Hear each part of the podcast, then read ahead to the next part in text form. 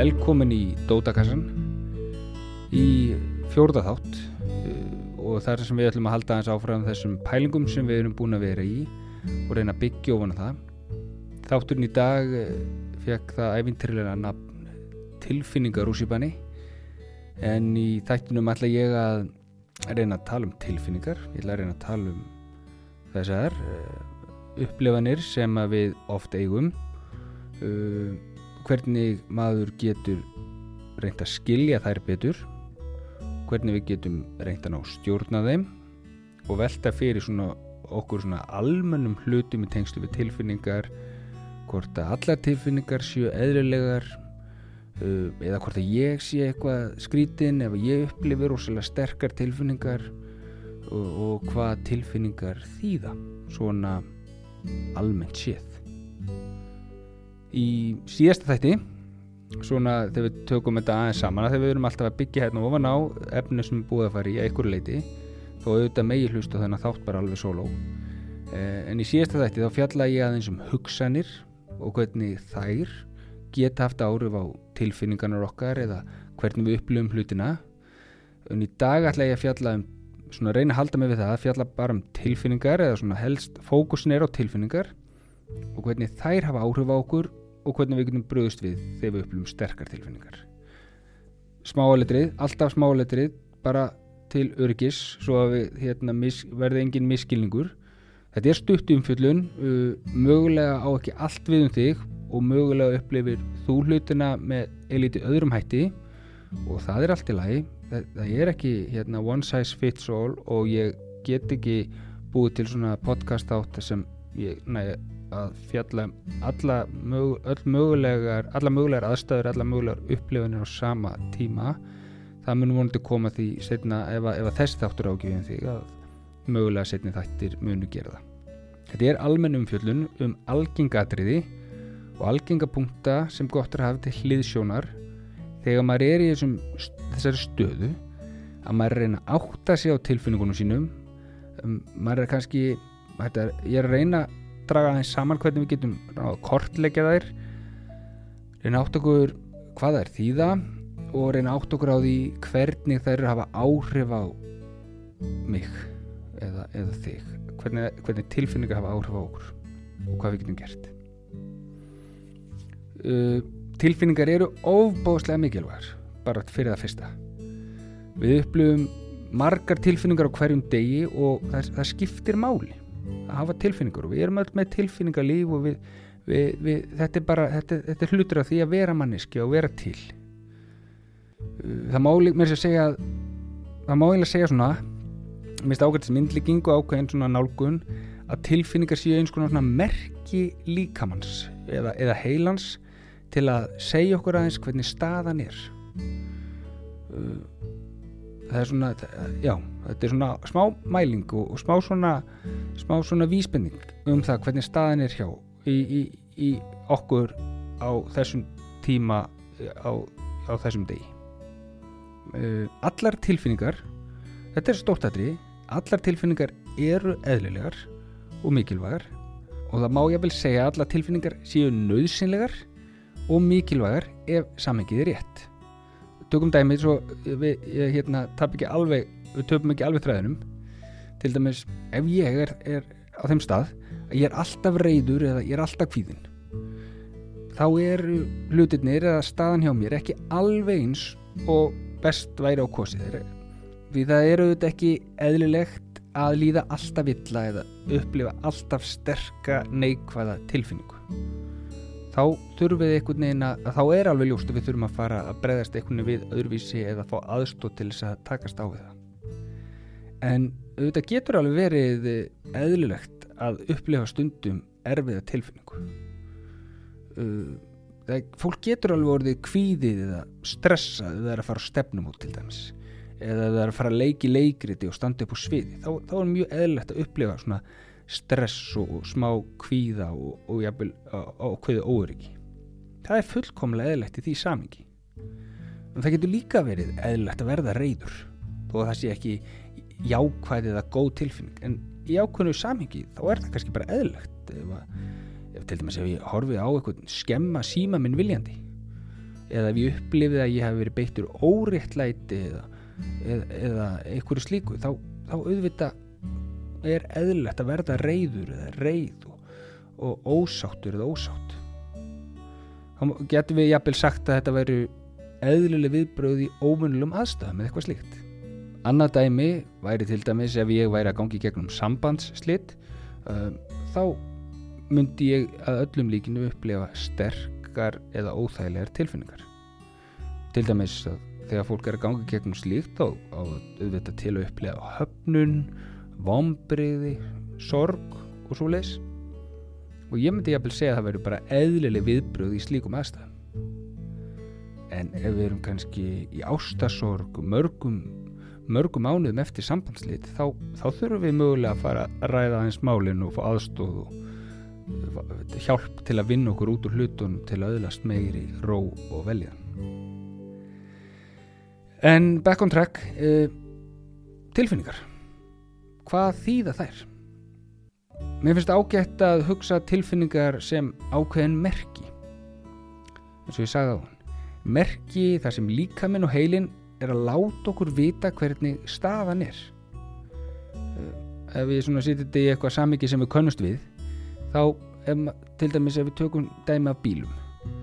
Uh, í mörgum bílum heyrast hljóðmerki ef ég er ekki búin að sitja með bílbelti og það blikkar ljósmerki í mælaborðinu ef ég á lítið eftir að bensinni þetta er auðvitað bara svona dæmi en í þessum dæmum þá er rafkerfið í bílnum að láta mig vita með hljóðmerki eða ljósmerki að ég, ég þurfa að gera eitthvað. Ég þurfa að bregðast við annars hættir merkið ekki og það getur enda með því að bílinn verði bensilus eða ég fái sekt fyrir að nota ekki bílbelti. Merkið þessu dæmi, ljósmerkið og hljóðmerkið gefur okkur upplýsingar sem við þurfum að bregðast við í vennilegri viku svona hjá okkur mannfólkinu sko, e, það sem allt gengur sem vanagang og við upplöfum margskonar tilfinningar og aðstæður e, þá fáum við líka ímis merki. Og til dæmis við fáum ímis líkamlega merki sem, sem við öll veitum hvað þýða. Og við þekkjum. Við þekkjum og við veitum hvað, hvernig merkið er þegar við erum svöng við veitum og þekkjum merkið þegar við þurfum að fara á klósitið uh, líkaminn er að láta okkur vita með eitthvað svona merki sem ég er upp með að útskjera nákvæmlega hvernig er en hvað, þið veitum hvað ég á við þegar við fáum svona líkamlega merki um hvort við séum svöng eða hvort við þurfum að fara á klósitið þá vitum við hvað merkið þýðir og við vitum hvað við þurfum að gera til að bregðast við. Ef við bregðumst ekki við á réttan há þá mun merkið aukast, þetta líkamlega merki, við munum upplega verki og okkur mun líða veru og er. Eh, önnur dæmi, svona líkamlega dæmi um, um svona merki sem við fáum frá líkamunum, til dæmis er ef við erum þreytt, ef okkur verður kallt eða ef við dettum á meðum okkur þá fáum við líkamlega merki sem við lesum í, við bregðumst við og við reynum að minka óþægendin. Við þurfum að kvíla okkur ef við erum þreytt, við þurfum að klæða okkur ef okkur er kallt og þurfum að kíkja á svæði sem við duttum á til þess að meta hvort við þurfum plástur, hvort við séum með marblett eða hvort við þurfum mögulega að fara til læknist því kannski erum við fóbrótin eða með stóran skurð og svo framvis. Aftur þetta sama, merkið sem við fáum gefur okkur upplýsingar sem við þurfum að bregðast við og þá komum við að setja inn á andlega sviðið og, og í tengslu við sálfræðina uh, á andlega sviðinu virkar þetta stundum eins og þetta sé miklu floknara en líkamlega merki. En það þarf ekki að vera floknara þó við upplöfun þó svona upplöfunin og merkin aðeins öðruvísi. Tilfinningar eru mjög, mjög afgerandi merki og, og tilfinningar og upplifanir okkar geta verið mjög mismunandi, mismunandi merki. Algenga tilfinningar sem að fólku upplifir, til dæmis eins og að vera kvíðinn, upplifa stress eða streitu, upplifa gleði, óþægindi, vannlíðan, pyrring, ánægi og svo framvegs. Mér finnst gott að líta á svona tilfinningar sem merki sem endur speikla það hvernig staðan er og sem slík þá gefa þau mér upplýsingar um hvort ég þurfa að bregðast við og hvernig ég ætti að bregðast við. Tilfinningar geta til dæmis endur speklað hvernig ég er að hugsa hvernig ég er að tólka hlutina. Þær geta endur speklað aðstæðurna mínar þær geta endur speklað sjálfan mig og, eða lífið mitt. Og þær geta líka endur speklað í hverju ég hef lent þær geta endur speklað breytingar sem ég er að gangi gegnum og svo leiðis hluti. Ok, stoppum aðeins og förum aðeins betur yfir þetta. Ég, ég, ég veit þetta er soldið hérna mikið. Ég veit hvernig ég á að bregast við með verið kallt þá get ég færið í peysu eða úlpu eða eitthvað. En ég verð kannski stundum óviss um hvað ég á að gera þegar ég verð pyrraður eða kvíðin eða ef mér líður illa eða, eða ég upplifi óþægilegt stress eða svoleiðis. Það getur verið þannig að mér finnist flóknara að lesa úr svona andlegu merkjum að lesa úr hvað tilfinningar minni þýða en svona basic líkamlegu merkjum eins og ef ég upplifi svengt eða verð kallt það eru margir sem upplifa þannig að það sé ekki alveg eins augljóst hvernig við höfum að bregðast við þegar við upplifum andlegar tilfinningar eða andlega óþægindi. Fólki finnst kannski augljósara hvernig við höfum að bregðast við þegar við upplifum líkamlega tilfinningar eða óþægindi en þarna er mikilvægt aðriði það er mikilvægt að ég átti mig á því hvað ég get gert til að hafa áhrif á það hvernig mér líður. Það er mikilvægt að átti að segja því að ég get brugðist við erfiðum tilfinningum á uppbygglan hátt. Og það hvernig ég hugsa og tólka hlutina getur oft á, mikil áhrif að það hvernig mér líður. Eins og búið að fara yfir í þáttunum hérna undan þá skiptir miklu máli hvernig ég bregst við aðstöðum og hvernig ég hugsa um hlutina og hvernig ég legg mata á aðstöðunum minnars Tökum núna smá dæmi sem gæti virka sem eins konar fyrsta hjálp fyrir fólk sem upplifir sterkar tilfinningar. Þetta er bara dæmi ági við í öllum samíki og passar kannski ekki við allt sem þú ert að gangi gegnum en prófum bara að, að máta okkur við þetta dæmi. Ímyndum okkur 19 ára stelpu sem upplifir mikinn kvíða. Hún er búin að vera að upplifa mikinn kvíða í hvað, bara tvær vikur. Hún er orðin órug og hún er óviss með marga hluti. Hún á erfitt með að koma sér í ganga á mornana og hún hefur þurft að ringja sín veika í skólan og, eða vinnuna. Hún er erfitt með að sinna náminu sínu hún er ekki alveg að einbita sér út af þessum kvíða. Hún hefur átt, hefur átt erfitt með að skila verkefnum ég vil mæta á æfingar í íþróttinu sinni og hún svona heilt yfir upplifi bara mikið óryggi og veit ekki hvað er að og, og veit ekki hvernig það á að bregðast við. Og hún er bara eitthvað nefn ómuleg hún er farin að, að draga sig hans í hlje ymdum okkur það og tala ég að minna við fóröldra sína eða vinkonu sínar. Og hún er farin að fá helling samvöskupitt því að henni finnst hún ekki verið að standa sig og, og bunkin af verkefnum sem hún eftir að klára hann er alltaf að stækka og kvíðin hennar er alltaf að einhvern veginn aukast og henni er farin að líða alltaf að líða bara svolítið illa hún skilur ekki alveg eða, eða veit ekki alveg hvað veldur því henni líði svona og hún áttar sig á því hvernig hún á að bregðast við og það gerir henni óurga og ennþá meira kvíðina. Hún er stöðugt að hugsa um þetta og pæli þessu og henni líður bara ver og ver. Hún næri að gera þá hluti sem hún ætlaði sér, eins og að fara í skóla, hitta vini og klára verkefni og svo leiðis. Og hún upplifir þá að hún sé ekki að standa sig nægilega vel á mörgum sviðum sem skipta hana máli. Og hún er farin að tala sjálfa sér niður og finnst einhvern veginn ekkert ganga upp og, og finnst ekkert vera hægt að gera og bara finnst þetta allt vera sjálfum sér að kenna og, og svona krumpast einhvern veginn upp og, og, upplifi bara óþægilega stöð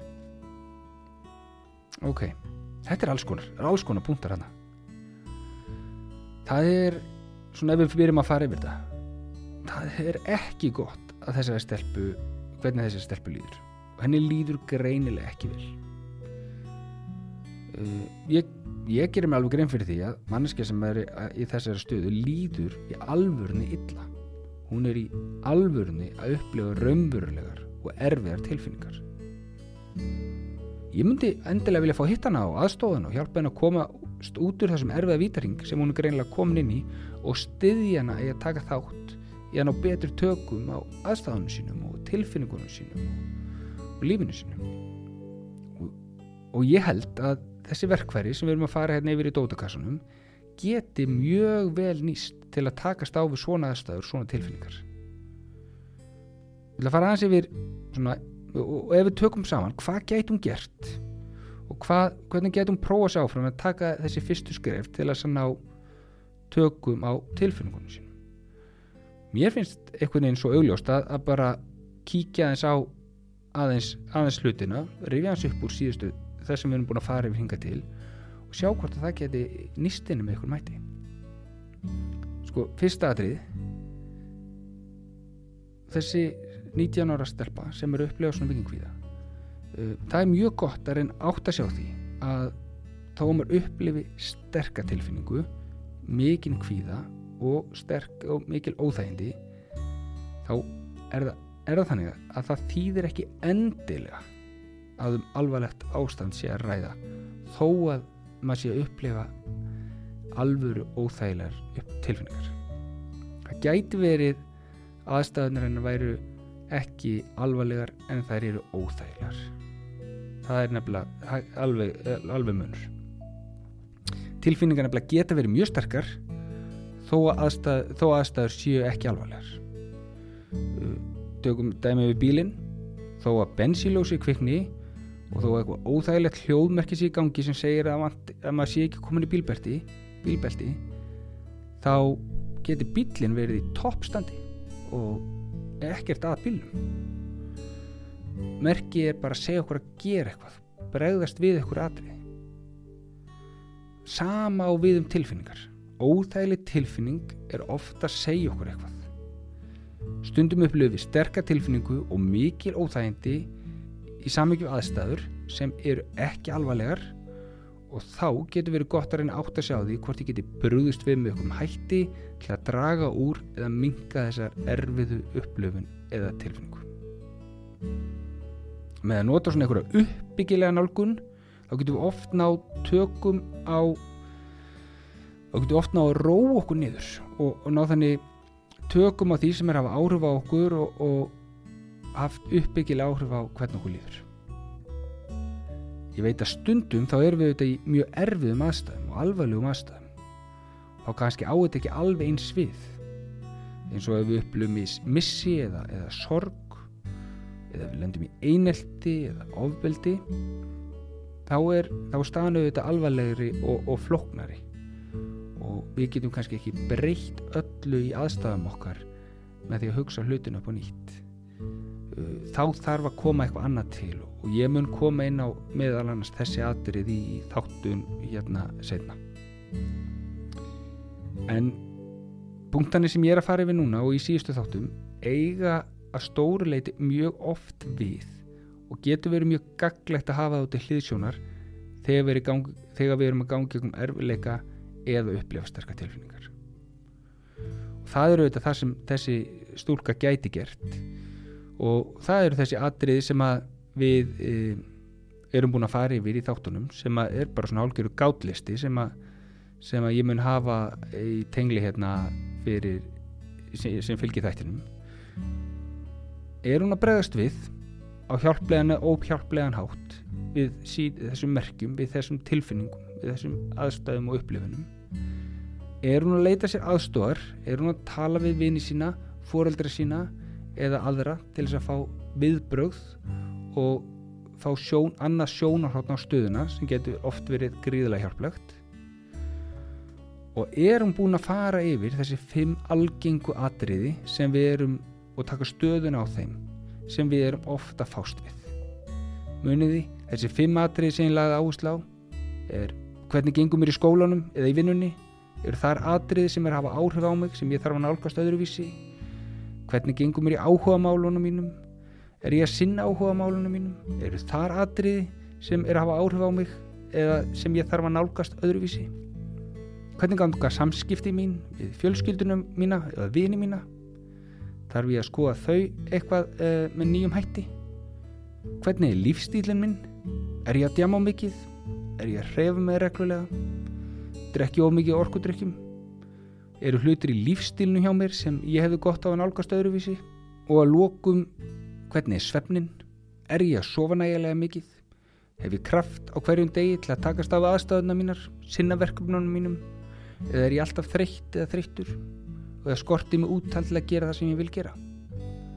Ef ég fer yfir þessa punta, þá er oft hægt að sjá svona atriði sem ég get unni með. Atriði sem ég get haft áhrif á. Að lokum, þá eru þetta, þetta stóra, þessi stóri punktur varandi það hvernig ég er að tala við sjálfa mig. Hvernig ég er að hugsa um sjálfa mig, aðstæðu mínar og slíkt. Er ég að gaggrina sjálfa mig stöðugt? Er ég að bera mig of mikið saman við aðra? Er ég að tólka allt með neikvæðum og óhjálplegum hætti? Getur verið að ég mætti pæla hans í því að hugsa hlutina upp og nýtt uh, endur skoða hvernig ég tala við sjálfa mig og, og hætta að brjóta mig niður eða dæma hlutina fyrirfram. Mögulega með því að horfa aðeins inn á við og taka aðeins eftir því hvernig ég er að tala við sjálfa mig eða við sjálfa eða sjálfan mig. Þá get ég átta mig á óhjálplegum hugsunum eða óhjálplegum svona pælingum sem ég er oft í. Mögulega er ég allt of gaggrinninn og allt í mínu fari mögulega er ég alltaf að tala niður möguleikana mína. Mögulega er ég að bera mig stöðut saman við aðra og upplifa ég sé að tapa í samanbörðunum og svo framvegs og það er alveg rísa skref átt að sjá því að það hvernig ég tala við sjálfa mig hefur margs konar árf á það hvernig mér líður. Og með því að umorða þessa hugsanir eða kortleggja þær og hlusta eins á það hvernig ég er að tala við sjálfa mig þá get ég tekið stór skref í átt að betur líðan Jæja Þetta er búið að vera smá pakki e, smá e, massífi, massífi þáttur í dag. E, það komið aðeins að því að fara að draga þetta saman og, og fara yfir helstu punkta. Ég er búin að vera að reyna að útskýra í dag hvernig tilfinningar hafa áhrif á okkur og hvernig við getum brúðist við þegar við upplifum sterkar tilfinningar eða erfiðar tilfinningar. Ég veit alveg að þetta er svolítið rugglingslegt og ekkert eitthvað rosa sexy en, en það er og þess það gæti verið mögulegt að, að, að mögulega þarftu að halda að, að renna aftur yfir hérna þátt og reyna að sapna þessum punktum saman sem er búin að fara yfir því að, því að þetta er kannski alveg nýtt fyrir þér eða, eða, eða þú ert ekki alveg að tengja þetta saman. E, e, tengja þetta atriðin saman. E, ég vonast til þess að þú getur nýtt þessa punkta til þess að vinna í þínu málum nálgast þín verkefni því að við erum auðvitað öll alltaf að vinna í okkur sjálfum með einum öðrum hætti og þetta er bara prósess eða ferli sem, sem er alltaf í gangi og, og endar auðvitað ekki, aldrei. Við erum alltaf að læra okkur sjálf, allt lífið. Uh, ef það er ekki nóg að, ef þetta er ekki nóg fyrir þig að fara í gegnum þess að þætti og, og, og ná að kortleggja og finna út í því hvernig staðan er þá mæl ég auðvitað með því að þú fáir aðstóð eins og ég, eh, og ég fjallaði um slíka möguleika í fyrsta þættunum eh, ég ætla að vera með smá svona samantækt á punktunum hérna í dag eh, í, í hérna, tenglum þáttarins sem kannski hægt að hafa til hliðsjónar og svona aðeins að til þess að sjá þetta svona svart og hvítu ef að það hjálpar. En líka sett ég inn tengil á svona brot og bíómyndinni Inside Out sem er teiknumind sem mér finnst bara mjög skemmtileg og sniðug. En þar er fjallað með svolítið skemmtilegum hætti um tilfinningar og hvernig aðstæður og, hugsanir geta haft áhrif á það hvernig okkur líður. Uh, það er alltaf líka í myndinni fjallað um svona atrið eins og ég er búin að vera að fara yfir í dag hvernig við getum haft áhrif á upplifinir okkar og aðstæður með því hvernig við hugsum hvernig við tólkum hlutina hvernig við bregðumst við endilega kíkta á þessu mynd og horfa á hann í heilsinni því að þó að þetta sé teknumynd þá, þá er þetta alveg stöf sem hún fjallar um og hún er bæði skemmtileg og fræðandi. Ég ætla að setja loka á dótakassan í dag. Takk fyrir að hlusta og gangið er vel í öllu því sem þú ert að fást við í lífinu þínu